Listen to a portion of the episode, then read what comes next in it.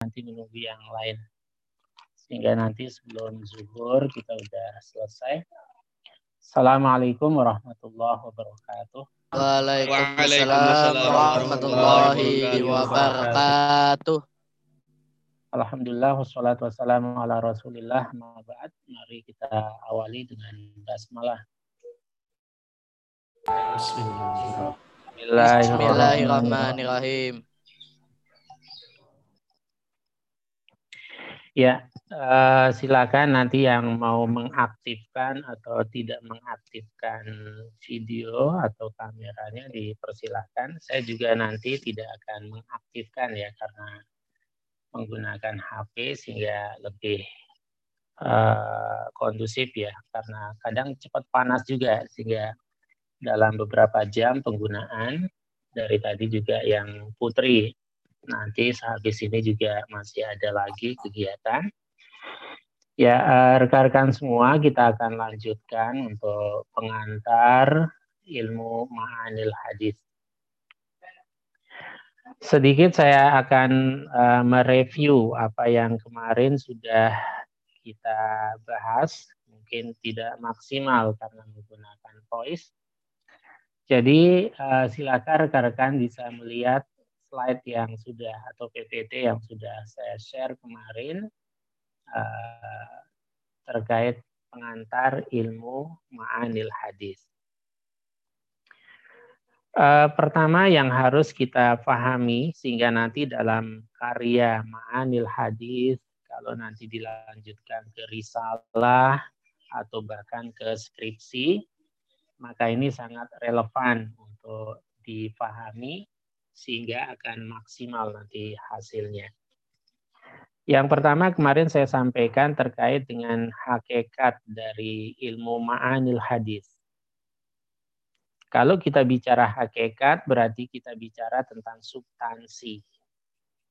Kita bicara tentang mutiara atau inti dari ma'anil hadis ini. Sehingga mengapa para ulama terutama yang konsen dalam kajian hadis, menjadikan ilmu ma'anil hadis ini sebagai salah satu ilmu yang pokok dan mendasar dalam menerjemahkan teks hadis dalam realitas kehidupan sehari-hari. Nabi pada saat menyampaikan satu hadis direspon oleh para sahabat yang notabene merupakan murid beliau sekaligus juga orang yang paham berbahasa Arab. Namun tidak secara otomatis karena bahasa Arab sebagai bahasa ibu mereka lalu bisa memahami hadis Nabi dalam hal ini yang kita spesifikasikan tidak berarti kemudian mereka langsung secara otomatis bisa memahami hadis secara maksimal dan ideal. Tetapi problemnya itu terjawab karena Nabi masih hidup di tengah mereka. Maka setiap terjadi problem-problem tentang hadis, mereka tidak paham, maka mereka bisa langsung bertanya tentang persoalan itu kepada Rasulullah. Berbeda halnya dengan kita saat ini. Yang kita bukan satu komunitas yang menjadikan bahasa Arab sebagai bahasa induk kita. Kita juga tidak pernah bertemu dengan Nabi Sallallahu Alaihi Wasallam. Kalaupun kita berinteraksi dengan Nabi, maka kita berinteraksi lewat statement beliau, hadis-hadis beliau. Nah, berbeda antara orang yang berinteraksi dengan Nabi secara langsung dengan berinteraksi uh, dengan teks. Yang teks itu tidak bisa menjelaskan dirinya sendiri. Nah, sehingga problemnya semakin besar ketika Nabi tidak hidup di tengah uh, kita. Ini substansi yang pertama yang harus kita pahami. Tetapi relatif karena kemahiran bahasa Arab yang mereka miliki, banyak persoalan yang bisa terselesaikan. Kemudian yang kedua, aspek substantif dari hakikat ilmu ma'anil hadis. sekalipun ilmu ini kita bicarakan secara teoritis, tetapi secara praksis itu terjadi dan ada sejak masa Nabi. Terbukti misalnya banyak hadis yang menjelaskan tentang bagaimana interaksi Nabi dengan sahabatnya. Termasuk hadis yang kemarin sudah saya sampaikan. Atadruna manil muflis. Ketika Nabi bertanya sebelum terjadinya proses pembelajaran, itu yang disebut dengan apersepsi. Aperception. Apersepsi ini berguna untuk menyelami sejauh mana ilmu dan wawasan para sahabat, khususnya tentang muflis itu. Ternyata jawabannya, perspektif para sahabat tentang muflis tidak seideal yang diharapkan. Nah, di saat itulah kemudian Nabi menjelaskan tentang apa hakikat dari muflis itu orang yang pailit atau yang bangkrut itu. Penjelasan Nabi terhadap ketidaktepatan atau kekeliruan persepsi sahabat itulah ilmu ma'anil hadis secara aplikatif.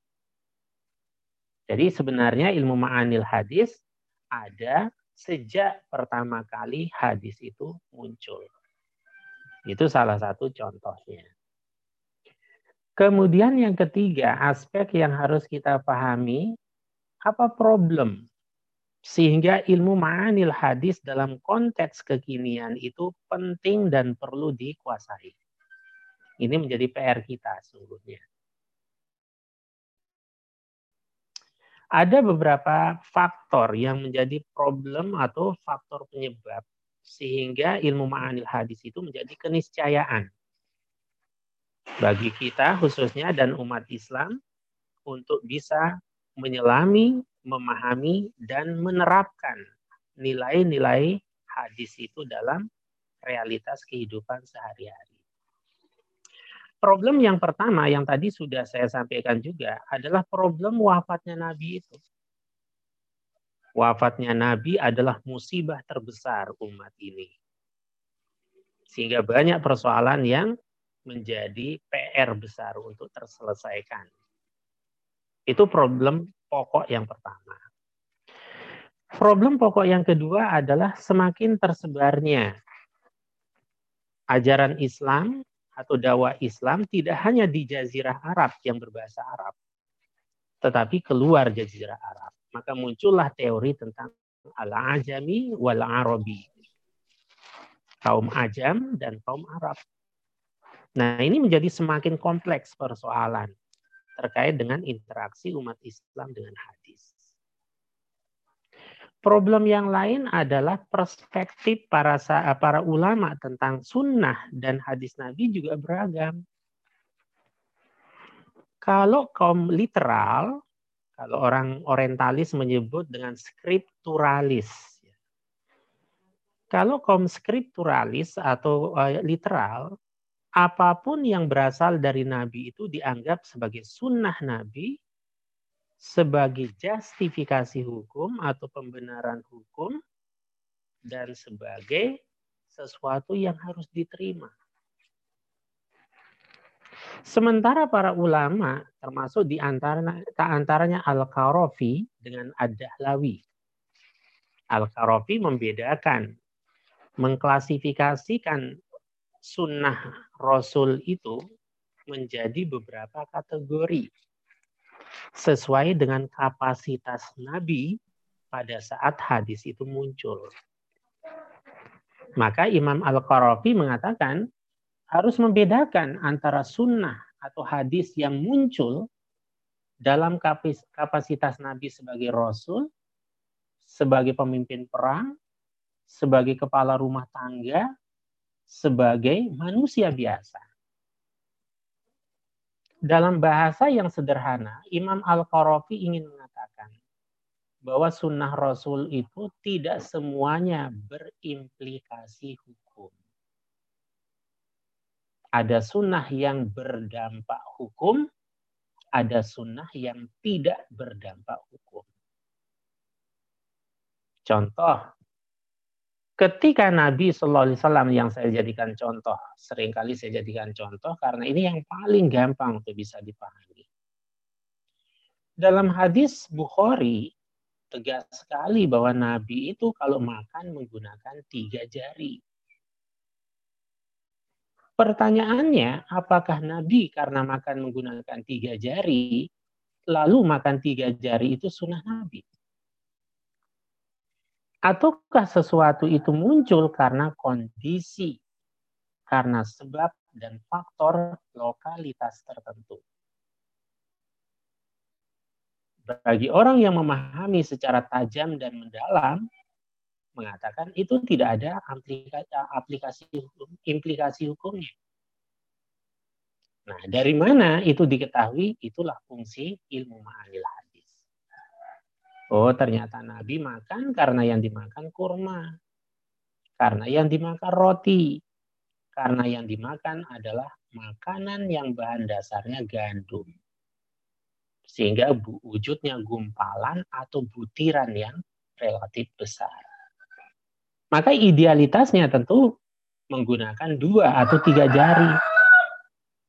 Tapi ketika kita makan bubur sumsum, bubur kacang hijau, maka jangan terapkan hadis itu secara literal harfiah. Itu sederhananya seperti itu.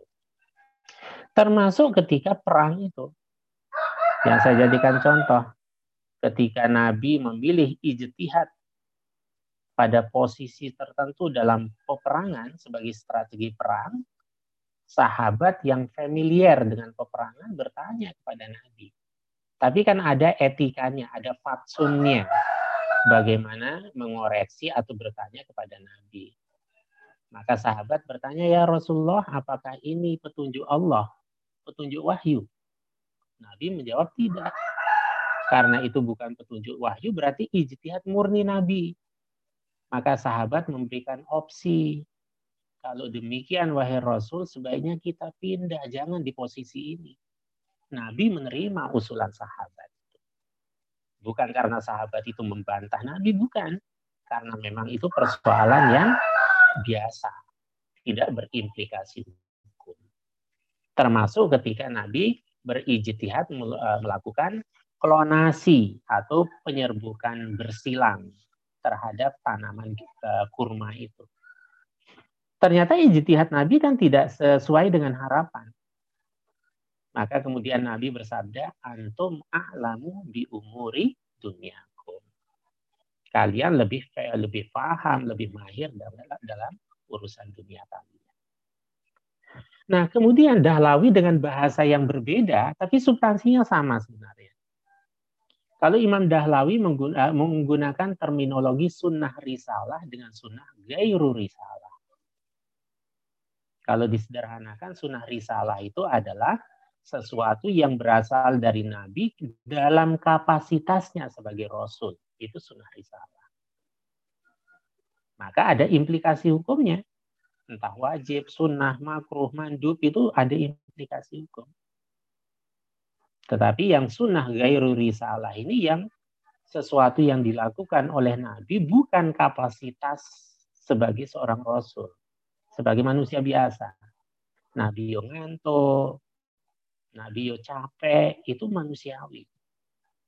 Nah, maka sifat-sifat kemanusiaan Nabi itu tidak memiliki implikasi hukum.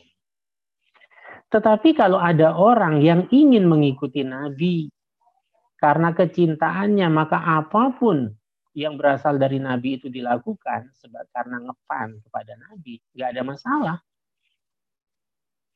ukuran rambutnya dalam hadis agak gondrong, dia agak gondrong. Kenapa? Saya ingin mengikuti Nabi, ya enggak apa-apa. Tapi jangan sampai ketika dia melakukan itu, menganggap orang lain yang tidak melakukan itu tidak mengikuti sunnah Nabi. Itu yang keliru. Itu yang salah. Nah, sehingga inilah yang kemudian perlu kita pertajam. Maka kalau kita bicara tentang sifat hukum, kan sifat hukum itu dua ada sifat hukum yang rigid, kaku, apa adanya, akidah semangatnya purifikasi, penjernihan, arruju ilal kitab wa. Tetapi ada sifat hukum yang fleksibel, yang lentur, dinamis. Terutama dalam masalah muamalah. Maka itu sangat terbuka luas ruang untuk melakukan kreasi dan modifikasi. Jangan sampai kemudian yang fleksibel dirigidkan, yang rigid difleksibelkan. Ya, itu yang keliru. Maka kaidah al-aslu fil ibadah al-batlan, al-itba, dan macam-macam itu menjadi barometernya. Oke. Nah, karena itulah para ulama menjembatani kemudian bagaimana cara berinteraksi sehingga bisa menemukan mutiara dalam hadis Nabi itu karena hadis Nabi itu adalah pemberi solusi. Maka dilakukan proses pemahaman yang prosedurnya disebut dengan ilmu ma'anil hadis. Ini simpulan-simpulannya, termasuk contoh silakan nanti bisa dilihat di slide-nya. Lalu yang berikutnya kita bicara tentang apa referensi primer dari ilmu ma'anil hadis ini. Sehingga bisa jadi saya sampaikan dalam narasi bahasa Indonesia, tapi nanti ketika berinteraksi, kita lebih banyak berinteraksi dengan kitab yang tentu berbahasa Arab.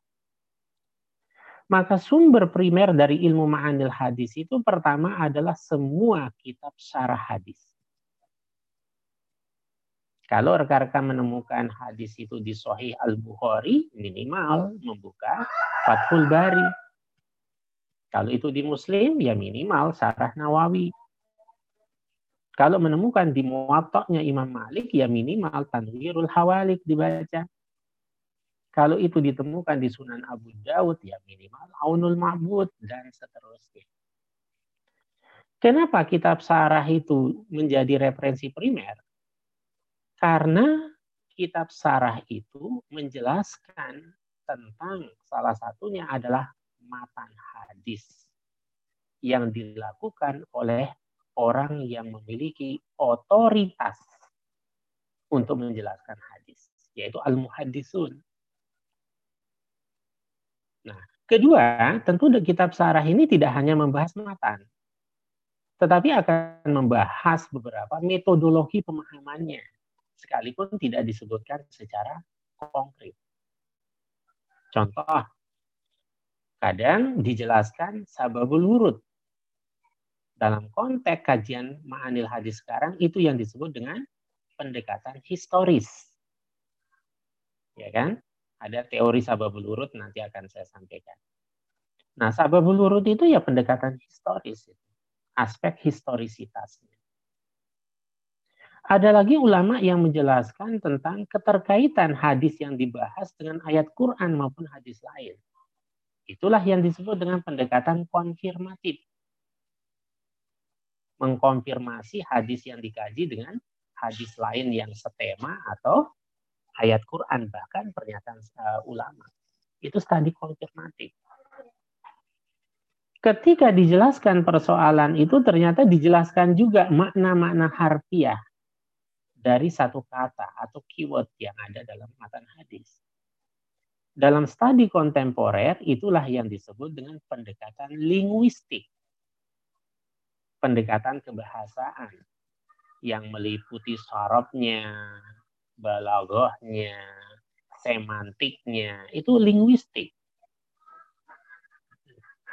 Nah, dalam perkembangannya kemudian banyak ilmu-ilmu yang bersinggungan dengan kebahasaan sebagai alat untuk memahami sebuah teks itu. Nah, ini contohnya. Nah, sementara yang lain diposisikan sebagai referensi pendukungnya, sekundernya. Contoh, kalau hadis itu tentang pendidikan, lalu dikaitkan dengan teori pendidikan. Kalau hadis itu ada aspek psikologi, lalu dikaitkan dengan ilmu psikologi, itu semua sekunder.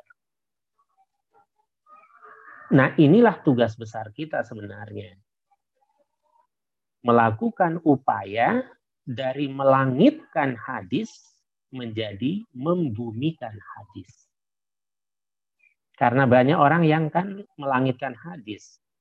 Kalau bicara hadis nanti bicara tentang suatu hal yang transendental, ilahiyah. surga, neraka, pahala, dosa. Padahal hadis Nabi lebih didominasi oleh persoalan-persoalan real dalam realitas kehidupan manusia. Hadis bicara tentang politik, hadis bicara tentang ekonomi, tentang pendidikan. Bahkan sekarang disertasi saya tentang pendidikan perspektif hadis ini, saya mengkaji tentang analisis strategi pendidikan Nabi, perspektif psikologi pendidikan. Saya menemukan kekayaan hazanah dalam hadis ini. Tapi sering kali umat Islam berinteraksi dengan Quran dan Sunnah seolah-olah hanya bicara tentang surga neraka, akhirat, pahala, dan seterusnya. Sehingga hadis khususnya tidak menjadi solutif. Karena sikap orang umat Islam yang keliru terhadap hadis itu. Lalu tentu sebagai sebuah disiplin ilmu yang mandiri dan sistematis, pasti ada perumusnya, perintisnya. Nah, siapa perintis ilmu ma'anil hadis? Di awal perintisan ilmu ma'anil hadis itu tidak muncul istilah ma'anil hadis. Tetapi menggunakan istilah-istilah yang bersinggungan. Contohnya ada ilmu goro ibil hadis. Berarti ilmu yang berbicara tentang hadis-hadis gorib dalam pengertian tertentu dan makna-makna gorib dalam matan hadis. Itulah pencetusnya Abdul Hasan An-Nadar As-Samil Al-Mazini An-Nahwi. Termasuk juga uh, Ishaq bin Rohawaih yang merupakan gurunya Imam Al-Bukhari. Seiring perjalanan waktu kemudian terus disistematisasikan, digali, dimaksimalkan muncullah ilmu ma'anil hadis. Maka ilmu ma'anil hadis itu embrionya itu adalah ilmu goroibil hadis. Itu embrionya. Lalu ilmu muhtaliful hadis. Embrionya. Kemudian ada lagi ilmu muskilatul asar atau muskilatul ahadis. Jadi embrio ilmu ma'anil hadis itu ada sejak lama. Bahkan sejak Nabi pun sudah dilakukan. Nah, karena itu jangan anggap ilmu ma'anil hadis itu sebagai ilmu yang baru. Tapi ilmu yang setua sejarah periwayatan hadis itu sendiri. Lalu pertanyaan berikutnya, mengapa yang digunakan terminologi ma'anil hadis? Kok tidak menggunakan istilah lain? Argumentasi para ulama sederhana, penggunaan ma'anil hadis itu sebagai imbangan dari ma'anil Quran. Karena Quran dan As-Sunnah kan dua sejoli, dua sumber syariat yang tak terpisahkan. Maka kalau ada ma'anil Quran, mestinya ada ma'anil hadis. Jadi itu imbangan. Bukan saingannya, tapi imbangannya. Hanya bedanya kalau ada pertanyaan apa substansi yang membedakan antara ma'anil Quran dengan ma'anil hadis? Substansi yang mendasar, kalau ma'anil hadis itu tidak lagi bicara pada tataran kata dan kalimat. Tetapi justru hadis itu bicara tentang huruf dari setiap rangkaian kata dan kalimat. Berbeda dengan hadis. Kalau hadis itu tidak sedetail hurufnya yang dikaji. Wamsahu biru'usikum. Bukan wamsahu fi'il amarnya tok yang dibicarakan. Bukan ru'us saja roksun, tapi baknya dikaji. Biru'usikum. Bak itu apa artinya? Silakan dibaca Al-Fiqhu ala mazahibil arba'ah yang paling simpel kalau ingin yang lain ya silakan fikul Islam wa adillatuh juga boleh. Tapi dalam fikul Islam, uh, fikih al fikhu ala mazahibil arba'ah, di situ dijelaskan bagaimana huruf satu huruf itu bisa melahirkan paradigma yang berbeda, bahkan pendapat yang beragam. Ba biru'usikum pada kata itu, ba itu artinya lil ilsok, Kata para ulama, uh, Malikiyah, Hanabilah itu banyak. Kalau itu ilil ilsok, maka harus ditempelkan telapak tangan itu pada mayoritas bagian kepala. Lalu dikaitkan dengan hadis lain sebagai studi konfirmatifnya bagaimana menempelkan mulai dari usulu imbatis yaitu kening ke belakang hingga tengkuk dikembalikan ke depan itu lili ilsok. Tapi dari dari kalangan Syafi'iyah mengatakan ba itu litabaid. Artinya menyatakan arti sebagian. Berarti wamsa'u biru'usikum cukup sebagian saja, nggak perlu semuanya. Maka jangan heran kalau yang mengatakan bermazhab sapi hanya bagian keningnya atau bagian ubun-ubunnya atau bahkan mengatakan minimal tiga helai rambut karena problem huruf ba. Ya kan? Wala takrobuhunna hatta yathurna. Apa makna hatta itu? Satu ulama mengatakan hatta itu lil intiha. Kalau mengatakan lil intiha, berarti ingkito udah mulhaid semata-mata karena selesai mensurasi, maka dianggap suci. Ya tinggal dibersihkan. Tetapi ulama lain mengatakan hatta itu bukan lil goyah. Bukan lil intiha, maaf. Tetapi maknanya lil intiha il goyah. Batasan maksimumnya. Sehingga nanti ada konsekuensi. Harus guslul janabah. Kalau dia bersuami istri baru bisa melakukan hubungan suami istri. Nah itu. Jadi huruf saja dikaji. Nah itu bedanya ma'anil Quran. Nanti bisa di, uh, kita diskusikan. Kemudian aspek lain yang tidak kalah pentingnya. Ketika kita berinteraksi dengan sunnah Nabi, kita harus bisa menyatukan tiga variabel. Ini penting ya. Jadi, jadi ketika kita berinteraksi dengan sunnah Nabi, kita harus mampu menggabungkan, mempertautkan, atau mengkomunikasikan, serta mensinergikan antara tiga variabel. Variabel yang pertama, pertama adalah auder. Rasulullah sebagai penyampai. Sebagai sumber hadis, sebagai pembicara. Yang kedua readernya. Kita sebagai pembaca teks eh, hadis Nabi. Karena kita tidak berhadapan dengan Nabi, tapi pembaca teks. Maka kita harus mampu mengkomunikasikan antara teks dengan konteks. Baik konteks masa lalu maupun konteks masa kini. Maka hadis itu menjadi solusi kehidupan. Kemudian yang ketiga adalah audiens. Para pendengar hadis itu. Pada masa Nabi maupun saat ini. Siapa pendengar eh, hadis pada masa Nabi? Para sahabat. Maka penjelasan para sahabat yang mendengar langsung dari Nabi penting dijadikan sebagai referensi.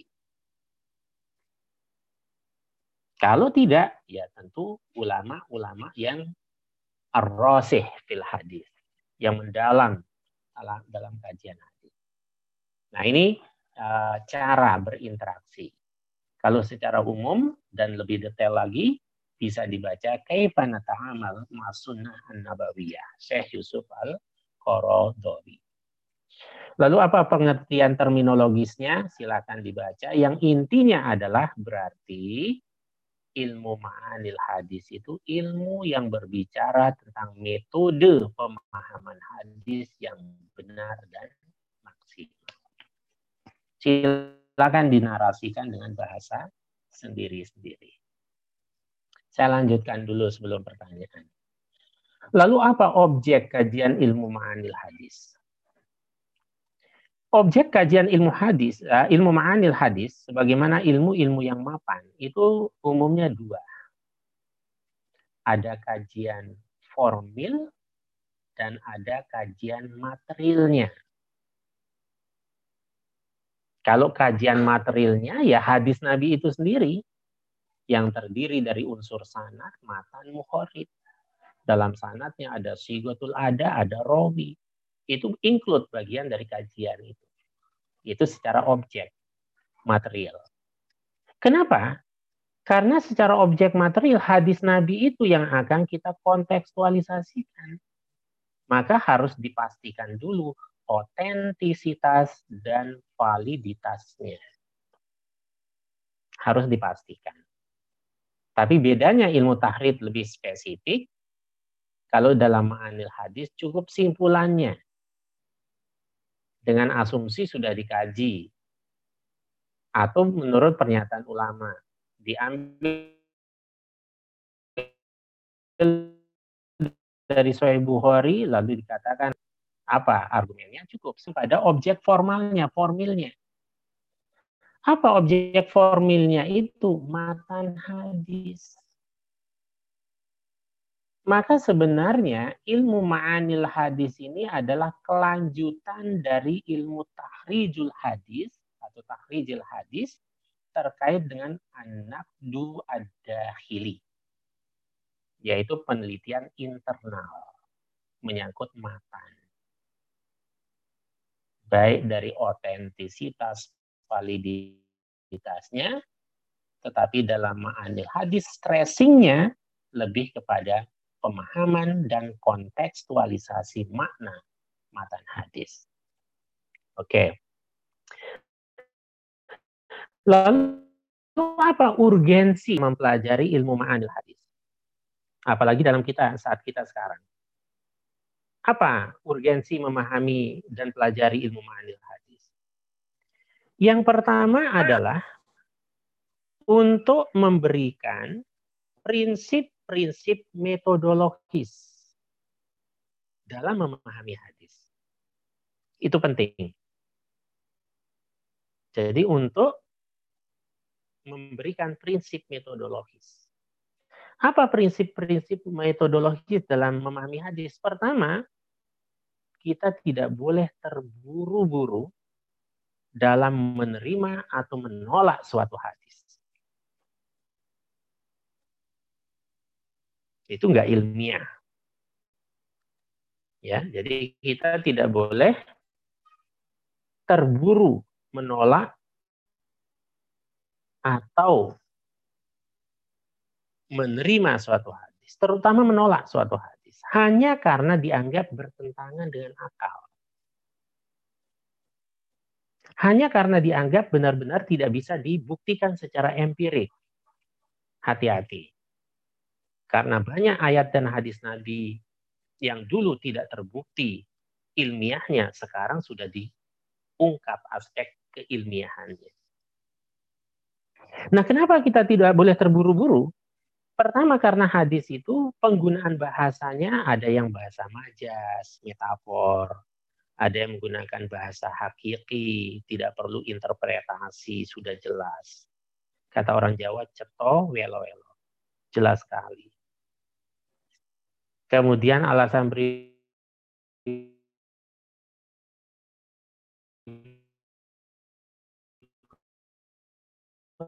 ini apa? Karena hadis berbeda dengan itu prinsip metodologi yang pertama.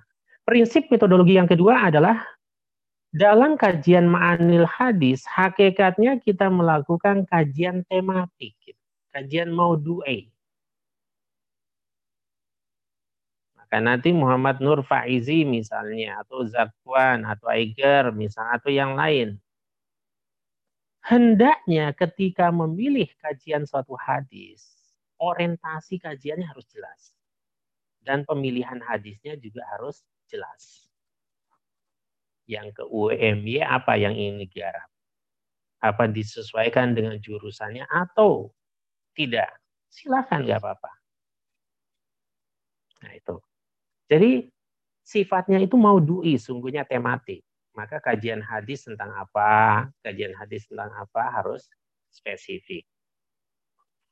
Kemudian prinsip yang ketiga adalah ketika kita melakukan proses ma'anil hadis, kita harus bisa membedakan mana ketentuan yang bersifat legal formal dan mana ketentuan yang bersifat ideal moral. Maksudnya begini. Ketika hadis itu bicara tentang legal formal, berarti bicara tentang justifikasi hukum, pembenaran hukum.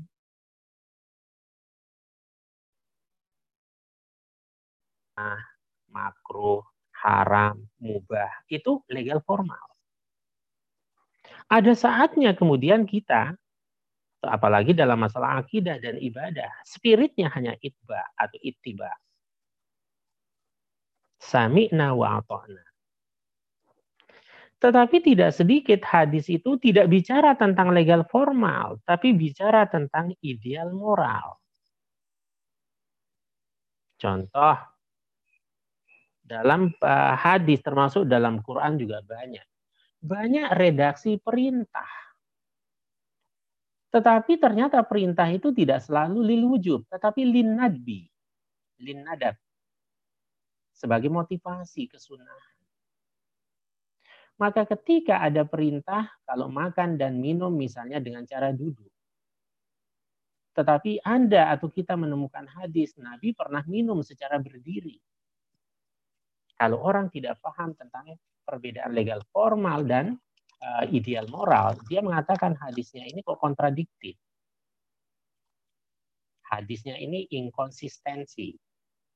Padahal dia tidak tahu ilmunya. Maka ini menunjukkan bahwa larangan itu bukan litahrim. Tetapi linadbi sebagai targib. Maka itu sudah masuk wilayah etis Contoh gini, kalau saya makan, jalan-jalan sambil makan, sambil ngobrol, saya kemudian makan juga pakai uh, tangan kiri. Secara legal formal, saya tidak masuk pada keharaman.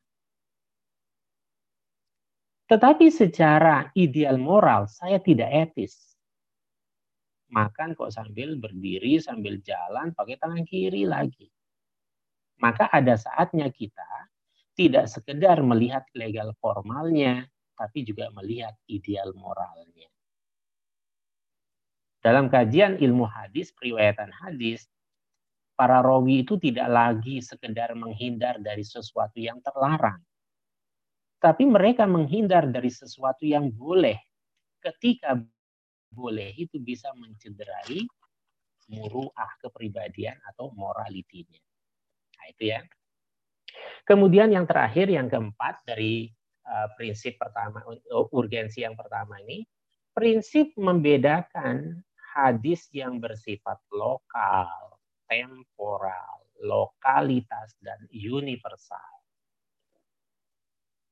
Nah, bagaimana caranya nanti bisa kita diskusikan. Hadis itu, kalau menggunakan teorinya Ad-Dahlawi, seperti yang tadi saya sampaikan, Al-Qarafi, tidak semua hadis memiliki dampak hukum. Nah, karena itulah ada hadis yang sangat lokalitas sifatnya. Seperti tadi, kenapa Nabi makan pakai tiga jari? Sangat lokalitas, temporal, dan muktadul hal. Situasional. Kenapa Nabi menggunakan jubah yang umumnya berwarna putih? Karena itu sangat bersifat sosiologis dan nanti bahkan sangat bersifat geografis. Maka ada kajian sosiogeografis. Adapun ada yang ingin berpakaian seperti itu silahkan. Tapi jangan menganggap diri paling islami dan orang lain tidak mengikuti sunnah Nabi. Keliru. Karena yang menggunakan jubah tidak hanya Nabi, tapi Abu Jahal, Abu Lahab, dan para preman di Arab menggunakan jubah. Nah, di situlah kita harus melihat mana yang temporal, lokalitas, dan universal. Kemudian urgensi yang kedua, tadi urgensi pertama ya, prinsipnya ada empat, sekarang yang kedua. Untuk mengembangkan pemahaman hadis secara kontekstual dan progresif. pemahaman hadis kontekstual tidak selalu dimaknai tercabut dari akar sejarah. Itu salah. Jadi kontekstual itu tidak sama dengan liberal. Tolong diingat ya, kontekstual itu tidak sama dengan liberal. Pemahaman kontekstual itu kalau istilahnya uh, siapa Quraisy Sihab itu ya membumikan Al-Qur'an, membumikan sunnah dari bahasa teks menjadi bahasa konteks. Nah, sementara yang dimaksud dengan progresif itu, makna yang sederhana, bukan sekedar literal, harfiah. Yang tadi saya katakan kalau orang orientalis menyebut skripturalis. Jadi dalam kajian hadis itu dikatakan sebagai kaum skripturalis. Hanya memahami secara harfiah, tekstual. Maka progresif itu melibatkan berbagai disiplin ilmu yang terkait dan relevan dengan menggunakan kaidah-kaidah yang benar. Kalau hadis yang Anda kaji itu ada singgungannya dengan persoalan eh, psikologis, diungkapkan. Psikologis itu bukan sebagai pembenaran hadis, tetapi sebagai bukti keilmiahan hadis. Beda ya. Contoh begini. Muru auladakum bis sholah idza balagha sab'a sinin. Perintahkan anakmu untuk sholat ketika memasuki usia tujuh tahun. Wadribu bahkan bersikap tegas. Wahum abna wa, uh, apa asar ketika memasuki usia 10 tahun. Dalam kajian psikologis, anak usia 7 hingga 10 tahun itu masa-masa yang sangat emas. Masa emas untuk melakukan transformasi ilmu dan menyampaikan value, nilai-nilai. Paling gampang ibarat tanaman dia masih muda. Mau dibengkokkan gampang, mau diluruskan gampang, mau dibentuk gampang kayak bonsai. Tapi kalau sudah kokoh, kuat, besar kalau manusia sulit. Maka itu yang disebut dengan teori pembiasaan. Padahal kalau kita secara hukum, secara hukum formil, Zakwan, apakah eh, anak usia 7 sampai 10 tahun itu termasuk mukalab?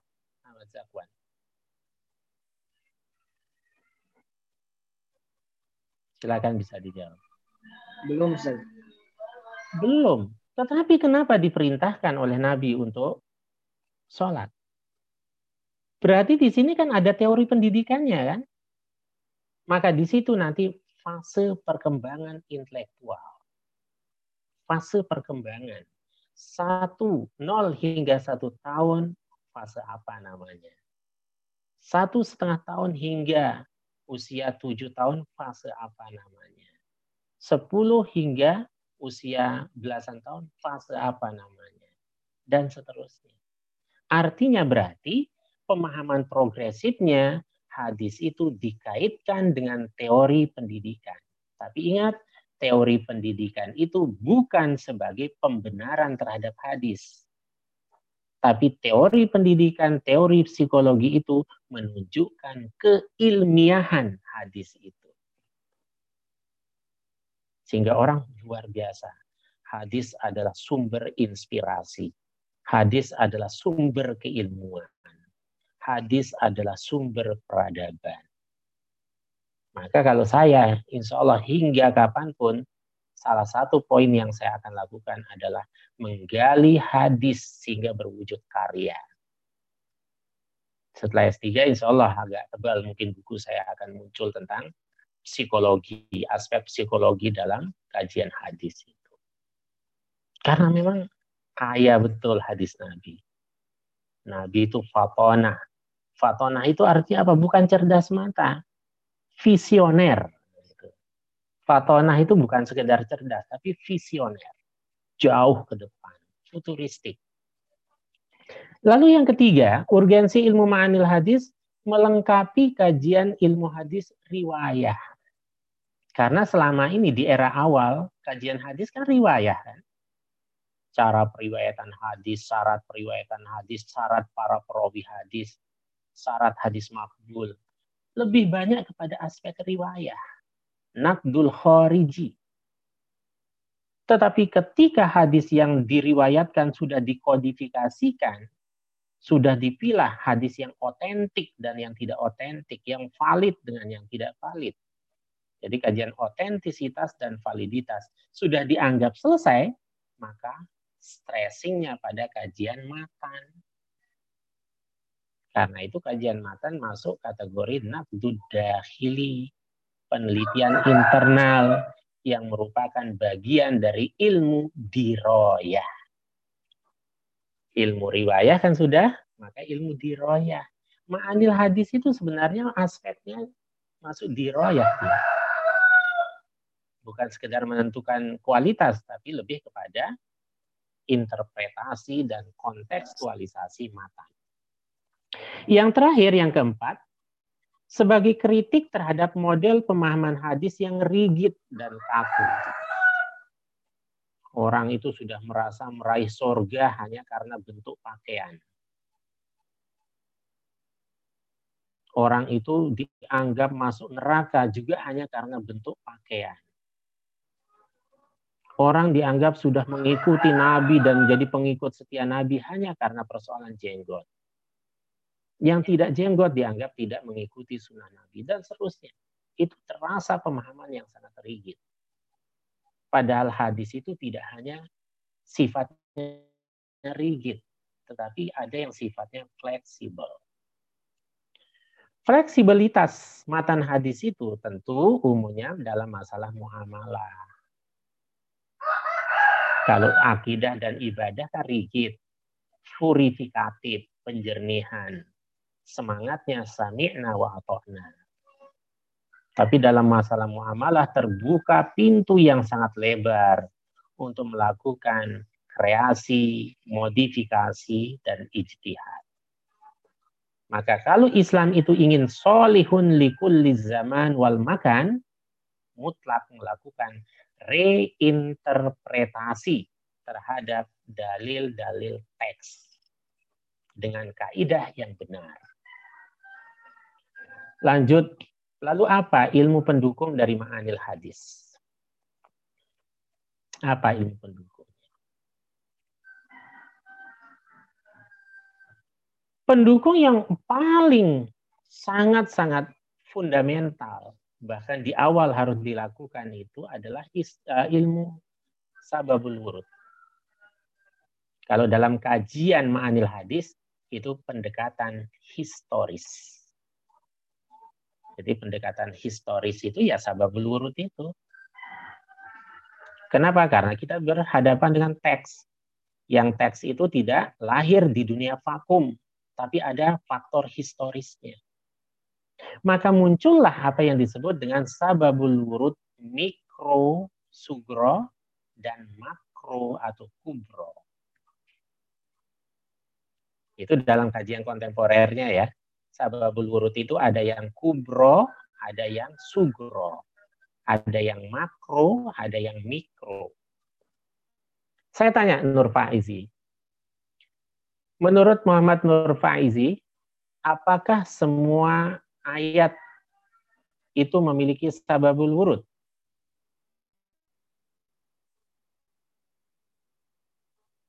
Ayat Ustaz. Ya. Tidak Ustaz. Tidak. Apakah semua hadis itu pasti ada sababul wurud dan wurudnya? Kalau tadi nuzul ya, sekarang sababul wurudnya. Enggak juga, Ustaz. Enggak juga. Kalau Nur Fazi mengatakan tidak, tidak bisa disalahkan. Kalau ada orang lain, saya misalnya mengatakan semua ayat Quran dan hadis Nabi pasti ada sababul wurud dan sababul nuzul. Tergantung apa yang kita maksud dengan sababul wurud dan sababul nuzul. Kalau sababul wurud itu sugro, al waqa'i awil hawadis awil as'ilah.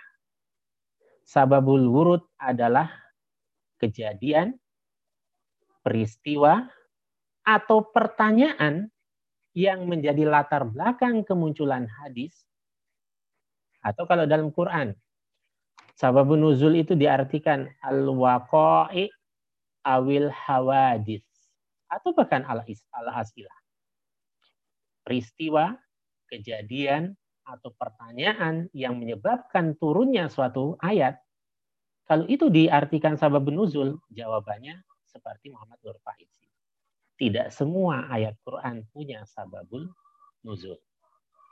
Tidak semua hadis Nabi memiliki sababul wurud. Karena sababun nuzul dan sababul wurud diartikan secara mikro. Mikro itu artinya kejadian spesifik. Ya enggak semua. Ayat tentang kaum Ad, kaum Samud diturunkan kepada Nabi eh, kepada Rasulullah SAW. Apakah kemudian peristiwa itu terulang lagi? Kan tidak. Oke. Tetapi kalau sababun nuzul dan sababul wurud itu diartikan secara makro, segala sesuatu yang menyebabkan turunnya ayat atau munculnya hadis, maka jawabannya pasti ada sababul wurud dan sababul nuzulnya. Pertanyaan saya yang kedua, Nur Faizi. Ketika Nabi Shallallahu Alaihi Wasallam bersabda, kira-kira Nabi itu bersabda tanpa tujuan, tanpa maksud nggak? Ada tujuannya, Ustaz. Pasti ada tujuan, pasti ada maksud. Itulah sababul wurud. Yang sifatnya makro. Nah, kalau itu diartikan sababul wurud secara makro, maka jawabannya apa kira-kira Nur Faizi?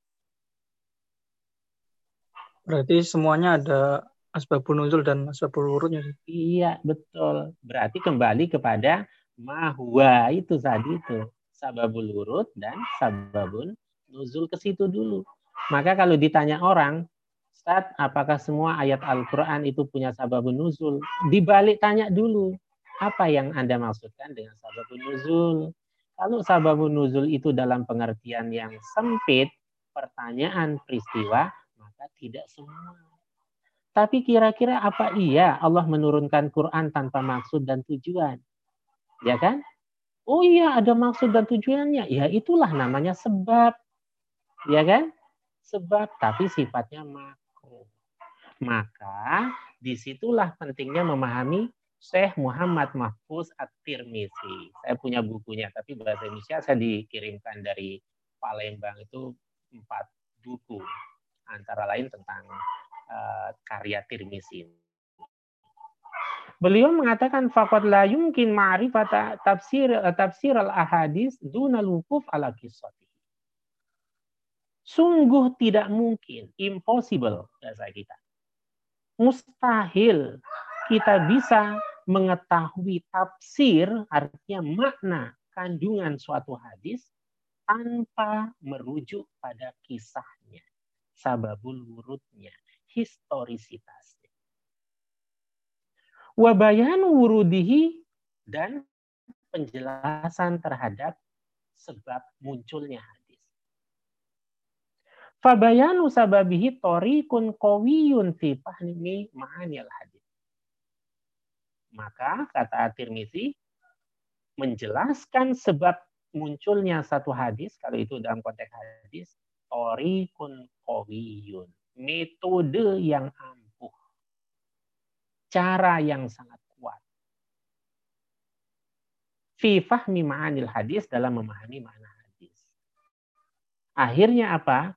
Orang itu memahami suatu matan, satu teks itu, semangatnya, jiwanya itu juga dipahami.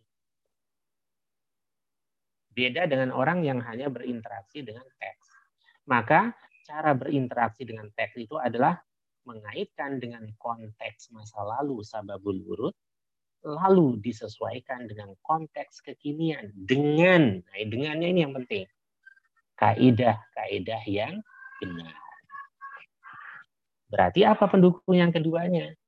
Tawarihul mutun. Apa bedanya tawarihul mutun dengan sababul wurud? Kalau sababul wurud itu historisitas kemunculan hadis, kalau tawarihul mutun itu sejarah pemilihan kata dalam matan hadis. Contoh dalam matan hadis. Kenapa yang digunakan surah misalnya ketika Rasulullah melaknat orang yang uh, musawir itu. Kenapa surah? Kok tidak dengan persoalan lain langsung spesifik mengatakan tentang dilanatnya seorang membuat patung misalnya, asnam. Kenapa taswir? Maka itu harus dikaji. Kenapa itu? Oh, ternyata historisitasnya terkait dengan pembuatan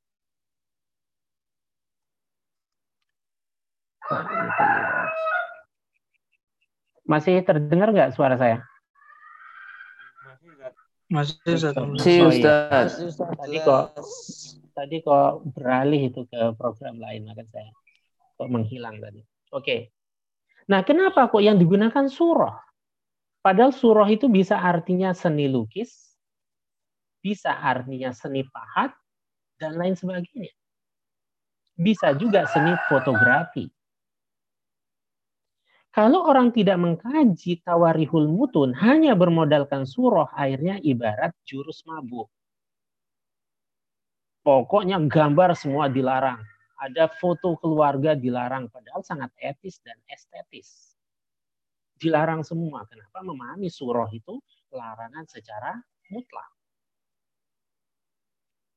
Nah, ini fatalnya orang kalau tidak tahu tawarikul mutun. Nah, karena itu perlu dikaji di situ.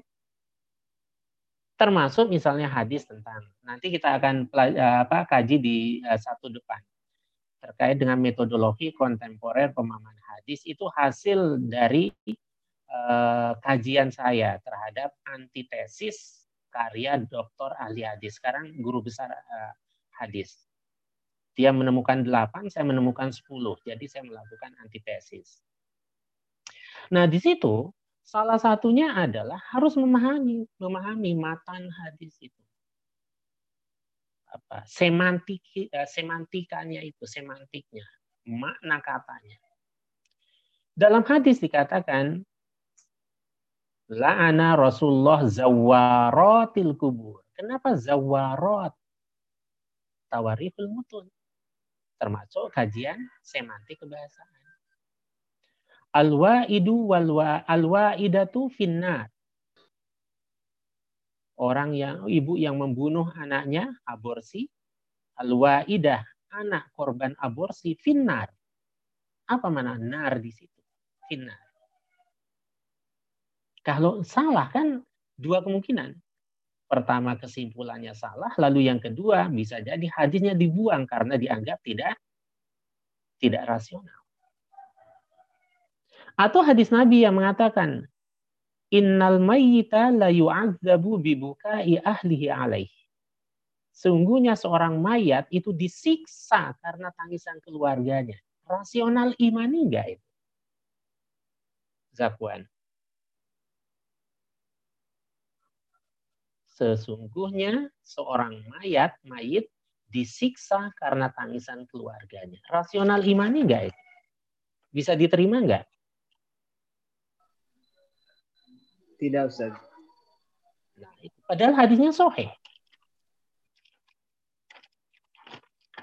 Kan itu persoalannya. Berarti tawarihul mutun. Memahami makna semantik. Apa makna diazab Kenapa? Kalau memahami secara harfiah kan fatal. Karena ayat mengatakan wa an laisa lil insan illa ala taziru wa ziratun wizra ukhra. Enggak ada istilah dosa turunan, dosa warisan. Tapi ini orang lain salah, kok mayat yang disiksa? Itu penting kajiannya, ma'anil hadis ilmunya. Oh, ternyata begini salah satunya. Orang atau sesuatu ketika alamnya lebih tinggi, maka dia bisa melihat alam yang ada di bawahnya. Yang di bawah tidak bisa melihat alam yang di atasnya. Malaikat bisa melihat kita. kita tidak bisa melihat malaikat karena ruh itu alamnya lebih tinggi ketimbang alam dunia. Adna. Maka ketika orang meninggal di alam ruh itu mereka bisa menyaksikan perilaku keluarganya. Mestinya orang sakaratul maut kan lakinu mautakum. Ditalkinkan, bukan ditangisi. Kalau ditangisi semakin panik, dia semakin tersiksa. Bukan disiksa, tapi tersiksa. Berarti makna di situ penting. Tapi panjang pembahasannya, karena ini harus saya sampaikan substansinya dulu. Lalu itulah pentingnya ilmu pendukung yang ketiga, ilmu lugoh, linguistik.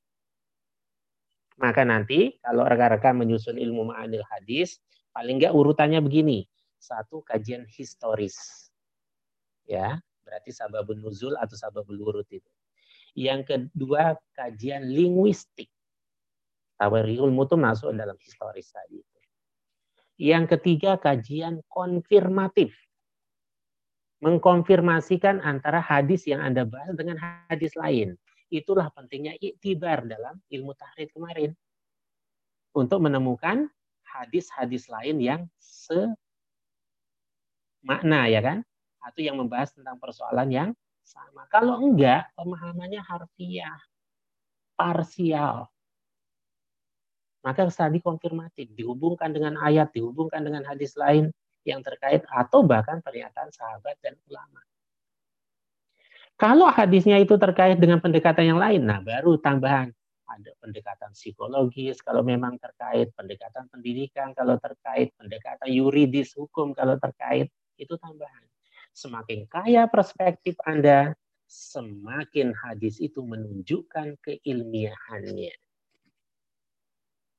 dan hadis sebagai solusi kehidupan, bukan problem kehidupan. Selama ini kan hadis seolah-olah jadi problem, ya kan? Kenapa? Karena orang pusing belajar hadis. Belum pada hadis sebagai solusi kehidupan. Itu itu ulumul lughah. Nah, kaitannya dengan sababul wurud tadi sudah saya sampaikan mikro dan makro. Lalu ada teori yang lain Imam As-Suyuti. Teori tentang sababul wurud, itu banyak. Yang saya sampaikan adalah uh, sebagian. Nah, uh, menurut As-Suyuti, sababul wurud itu bisa dikategorikan menjadi tiga. Ada sababul wurud berupa Quran. Contohnya ada ayat Quran turun tentang az-zulmu, kalau kita baca ayatnya, cari Quran terjemah azulmu kegelapan. Tapi hadis Nabi menjelaskan apa? Azulmu asirku billah. Kezoliman yang dimaksud dengan dalam ayat tertentu itu adalah asirku billah. Sirik kepada Allah. Bayangkan kalau kita nggak baca hadisnya. Maka hadis Nabi adalah the first interpreter of Quran. Hadis Nabi adalah al-mufassir wal mubayyinul awal lil Quran. Itu yang diprioritaskan dulu. Lalu yang kedua, ada sababul urut berupa hadis. Hadis pertama muncul, tidak dipahami oleh sahabat. Muncullah hadis kedua. Oh, berarti hadis kedua ini menjelaskan hadis pertama. Maka tidak selalu hadis kedua itu sebagai nasih. Yang pertama jadi mansuh. Bisa jadi dia ada muqayyid dan ada yang mutlak. Maka harus dilihat spesifikasinya. Lalu yang ketiga, sababul wurud yang berkaitan dengan peristiwa yang tadi itu. Pertanyaan Ja'a rajulun ilan Nabi sallallahu alaihi wasallam fasa'alahu. Datang seseorang kepada Nabi lalu bertanya. Atau uh, kemudian di situ ada juga bayalba, lupsi atau sejenisnya. Dengan menggunakan pakaian yang sangat putih. Fasa'alahu lalu bertanya kepada Nabi, ma huwal iman, ma huwal islam, mahwal ihsan. Oh, ternyata peristiwanya Nabi kedatangan malaikat Jibril, lalu malaikat Jibril bertanya, itu sababul wurud yang bersifat al-waqa'i awil hawadith. Peristiwa tertentu. Pertanyaannya terakhir mungkin, bagaimana cara kita, oh masih fungsi ya, bagaimana cara kita mengetahui sababul wurud? Nah ini penting dalam kajian uh, ma'aninya nanti. Pertama, melalui teks hadis itu sendiri. Tetapi ingat, tidak semua teks hadis itu menjelaskan langsung sababul wurud secara integral. Seperti tadi itu. Ja rojulun nggak ada, nggak semua seperti itu. Ja robiyun, misalnya datang seorang badui, lalu kencing misalnya di pojok masjid. Eh itu sababul wurud itu. Langsung dijelaskan dalam hadis itu secara include. Nah, itu pertama. Ini yang paling gampang. Cara yang kedua adalah biqauli sahabah. Kalau yang pertama itu bisa integral, bisa lang, bisa hadis lain. Ada yang di dalam hadis itu sendiri dijelaskan, ada hadis ini dijelaskan di hadis lain juga ada. Nah, sementara yang kedua aqwalus sahabah. Pernyataan sahabat. Maka itulah salah satu unsur adanya idraj itu hadis mudarat itu idraj. Nah, hadis idraj fil fisanat ada idraj fil matan. Ada sisipan ya. Misalnya isbagul wudu wailul lil aqabi minan nar. Isbagul wudu itu bukan matan hadis. Tetapi penjelasan Abu Hurairah. Sempurnakan wudumu karena Nabi bersabda, wailul lil aqabi minan nar. Nah, itu penjelasan sahabat. Yang ketiga melalui ijtihad. Yang dimaksud dengan ijtihad di sini adalah penelusuran terhadap sumber-sumber sejarah. Maka muncullah Ibnul Asir, termasuk Al-Musayyib, ada yang mengatakan Musayyab. Beliau juga seorang mu'arrih. Nah, itu penjelasan. Bukan membuat sejarah, tapi menjelaskan aspek sejarah terakhir sebagai penutup, apa fungsi asbabul wurud? Apa fungsinya? Menentukan adanya nasih, uh, taksis hadis Nabi. Nasih mansuh juga bisa ditemukan dari situ. Mutlak muqayyad juga bisa. Nah, maka yang kedua membatasi pengertian hadis yang masih mutlak. Musawir dari wurud, sababul wurud ditemukan. Oh, ternyata membuat arca atau patung untuk disembah, maka itu yang dilaknat. Tapi kalau ada yang membuat gambar atau membuat boneka sebagai alat peraga pendidikan, ilmu biologi atau ilmu kedokteran untuk pengenalan anatomi tubuh, nggak masalah. Untuk mainan anak nggak ada masalah. Yang penting etikanya, estetikanya dilihat. Oke. Kemudian yang ketiga merinci hadis yang masih global, hampir sama dengan poin satu dan dua. Menentukan adanya nasi mansu juga hampir sama. Intinya adalah menjelaskan satu kata atau ungkapan dalam matan itu. Apakah mutlak atau muqayyad, nasi atau mansuh, dan seterusnya. Lalu yang kelima yang tidak kalah pentingnya dengan sababul wurud orang bisa menemukan illatul hukum sekalipun ada ya kaum salafi mengatakan la illata fil hukmi kulluha ta'abudi. Ada. Gak ada kausa hukum ilat hukum sebab hukum itu. Semuanya ta'abudi. Ya sudah, selesai. Tapi bagi kita, dan umumnya ahlus sunnah, menentukan ilat itu, atau ilat dalam hukum itu ada. Tapi yang punya hak untuk menentukan ilat itu bukan kita tapi hadisnya, dalilnya. Sementara yang lain itu namanya hikmah, bukan ilat hukum, bukan sebab hukum, tapi hikmah dari hukum. Harus dibedakan. Terakhir, menjelaskan maksud suatu hadis yang masih muskil, yang sulit dipahami. Fungsi sababul wurud. Maka kajian historisitas mutlak dilakukan apa pun tema hadis yang dibahas. Oke, saya kira itu pengantar dan uh, apa yang saya sampaikan selesai untuk materi pertama. Insya Allah kita jelaskan nanti materi kedua, metodologi kontemporer. Tolong mulai saat ini juga sudah mulai ya mencari-cari tema hadis ya, biar nanti lebih gampang prosesnya. Dan kita punya waktu yang banyak. Oke, saya kira itu silakan. Ada pertanyaan? Silakan. Digali terus biar tambah paham. Afwan Ustaz ingin bertanya. Ya, silakan Zabban untuk nanti ke depannya materi kajian tentang manil hadis apakah bisa sama dengan yang kemarin seperti materi tasrijul hadis atau harus beda Ustaz? Ya. Uh, sepertinya sudah di awal juga saya sampaikan bebas, boleh. Anda mau lanjutkan yang kemarin boleh. Berarti kan sudah tahu otentisitas dan validitas hadisnya ya kan? Ya sehingga nanti di Eh, pembukaan atau di mukadimahnya dijelaskan di situ bahwa hadis yang dikaji itu menurut siapa, eh, validitasnya apa. Lalu tinggal stresinya pada pemahaman matan. Boleh. Apalagi kalau tema kemarin itu cocok untuk dilanjutkan ke risalah misalnya. Silakan. Prinsipnya bebas. Tetapi yang kedua, itu saya menganjurkan atau silakan bisa dipertimbangkan Sekali mendayung, dua pulau terlampaui. Dengan karya ini, Anda orientasinya ke risalah bahkan ke skripsi. Lebih bagus lagi. Karena nanti pada risalah dan skripsinya lebih matang lagi. Kan ada tahapannya. Itu lebih bagus malahan. Ketika Anda nanti menyelesaikan di UMY atau di uh, eh, UAD, tinggal mengajukan eh, itu proposalnya. Kemudian materi sudah tinggal menyelesaikan sistematika.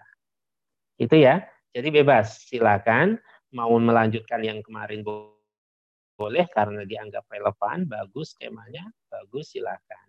Mau diganti dengan tema baru, itu pun tidak akan membuat Anda kesulitan karena tidak melakukan tahrid sebagaimana tahrid kemarin.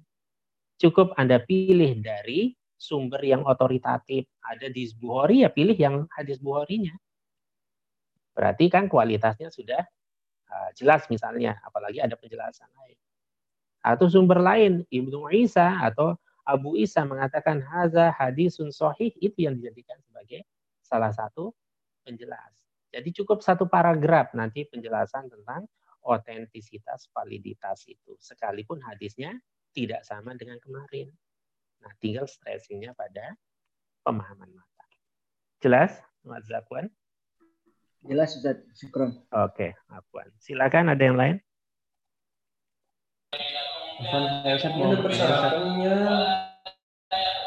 Siapa? Aigar? Siapa?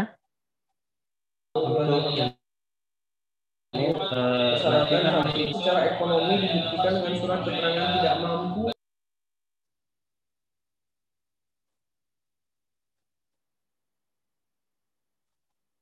Kok hilang suaranya?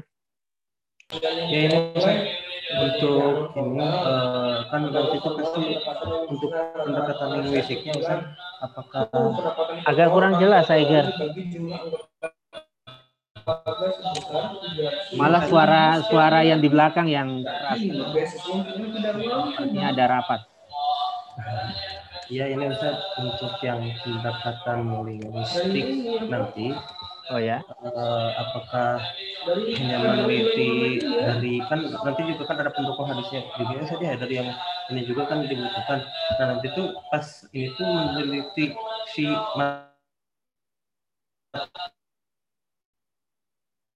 kemarin ini putus-putus ya atau saya... juga meneliti matan hadis yang pendukungnya juga Oke. Okay. Ya, mudah-mudahan saya bisa menangkap ya. Mungkin dinonaktifkan dulu gitu. Oke. Okay. Mudah-mudahan saya bisa menangkap substansi yang ditanyakan. Jadi begini, kajian linguistik itu terhadap kalimat yang memang perlu dijelaskan. Kalau memang di kalimat matan hadis itu semuanya itu sudah sangat jelas, ya tidak perlu secara spesifik dijelaskan dalam kajian linguistik. Ya kan? Nah, termasuk misalnya ketika mengatakan uh, hadis tentang tadi itu surah ya karena surah itu sangat multi interpretasi maka perlu ada kajian linguistiknya tapi kalau matanya itu sama sekali nggak ada kajian apa kalimat yang yang itu secara umum saja kan di terjemahan sudah jelas kemudian nanti dijelaskan lagi contoh yang kemarin di SM saya mengkaji tentang batalnya sholat apabila masuk al-mar'ah dan al-qalb. Di situ al-qalbul aswad. Mar'ah itu sendiri artinya apa? Kan saya perlu kaji linguistik. Jangan sampai anak bayi yang perempuan atau anak yang masih balita perempuan lewat di digendong saja boleh misalnya. Nah, nisa itu apa? Nah, dikaji. Lalu yang kedua, kenapa kalbul aswad wal himar? Nah, itu dikaji. Ternyata kalbul aswad itu maknanya macam-macam. Antara lain juga representasi setan misalnya. Nah, itu dikaji. Adapun hadis-hadis lain yang sebagai pendukung ketika menggunakan kata yang sama ya tidak perlu dipisah-pisahkan. Atau bahkan hadis pendukung itu justru menjelaskan tentang makna kata yang Anda kaji linguistik itu. Itu juga bisa.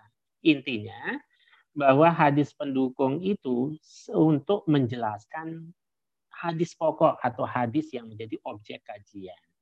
Sehingga bisa jadi di situ dimasukkan integral dalam kajian tentang kajian linguistik hadis pokok itu. Jadi tidak semua hadis pendukung 10 hadis ada kata-kata satu persatu di enggak, enggak seperti itu. Jadi kajian linguistik itu lebih kepada hadis yang menjadi objek kajian Anda. Sementara hadis pendukung itu sebagai interpretasinya, penafsirannya, penjelasannya, atau munasabahnya. Kalau ada kata yang terkait bisa disampaikan.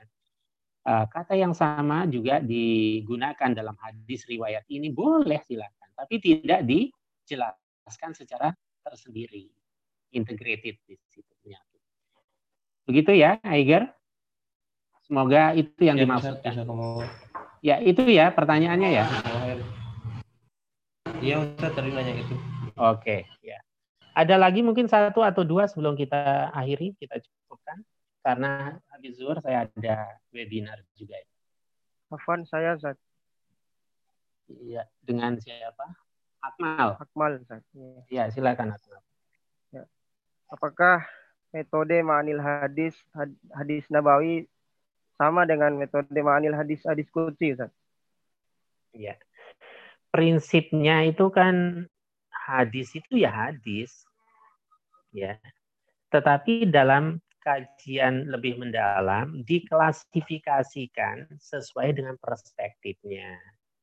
Ya kan? Maka ketika dikaji uh, bahwa ada sandarannya, kalau sandarannya kepada sahabat namanya hadis mauquf, kepada tabiin marfu, kepada nabi hadis marfu, kepada Allah hadis kudsi. Itu adalah klasifikasi disesuaikan dengan perspektif kajiannya, sandarannya. Tetapi esensinya sama.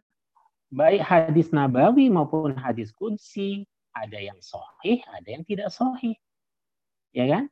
Bahkan ada juga yang dikategorikan hadis kudsi ternyata misalnya itu sangat terkait dengan apa suatu hal tetapi dengan kualitas yang tidak sohih misalnya minimal hasan misalnya bisa nah karena itu baik dia itu masuk kategori hadis kudsi atau hadis nabawi dia masuk pada ruang yang sama yaitu sesuatu yang disandarkan kepada nabi dalam proses periwayatannya sekalipun nabi itu menyandarkan kepada Allah tapi esensinya tetap hadis bukan Quran gitu Nah, maka nanti alur metodologinya sama. Hanya spesifikasinya kita harus merujuk kepada referensi standar bahwa apa bedanya ya beda signifikannya antara hadis nabawi dengan hadis kudsi. Ingat, hadis kudsi tidak ada yang berbicara tentang hukum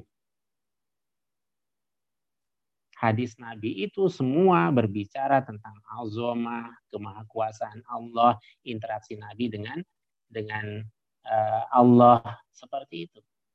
Maka nggak ada kan hukum uh, apa hadis kudsi bicara tentang halal haram. Maka itu bisa dijadikan sebagai poin untuk menjelaskan perbedaannya saja. Tetapi alur pemahamannya sama dengan hadis pada umumnya. Bahkan kualitasnya pun beragam. Itu beragam. Ada yang sohih, ada yang tidak sohih. Seperti itu Akmal. Intinya sama. Bahkan dalam hal-hal tertentu, metodologi kajian hadis itu juga ada titik singgungnya dengan metodologi kajian Quran. Hanya pada level kalau Quran itu kan qat'iyul wurud misalnya. Kalau hadis Nabi zonniul wurud sehingga ketika satu dalil yang qat'i nah, bertentangan dengan yang zoni ada sikap yang harus diambil. Itu hanya itu saja. Sementara Quran kajian linguistiknya juga ada ya kan? Sekalipun istilahnya uh, apa makna lugawi itu seperti tafsir ayat ahkam kan gitu. Jadi seperti itu. Jadi sama intinya. Ada lagi silakan. Satu lagi mungkin sebelum kita cukupkan.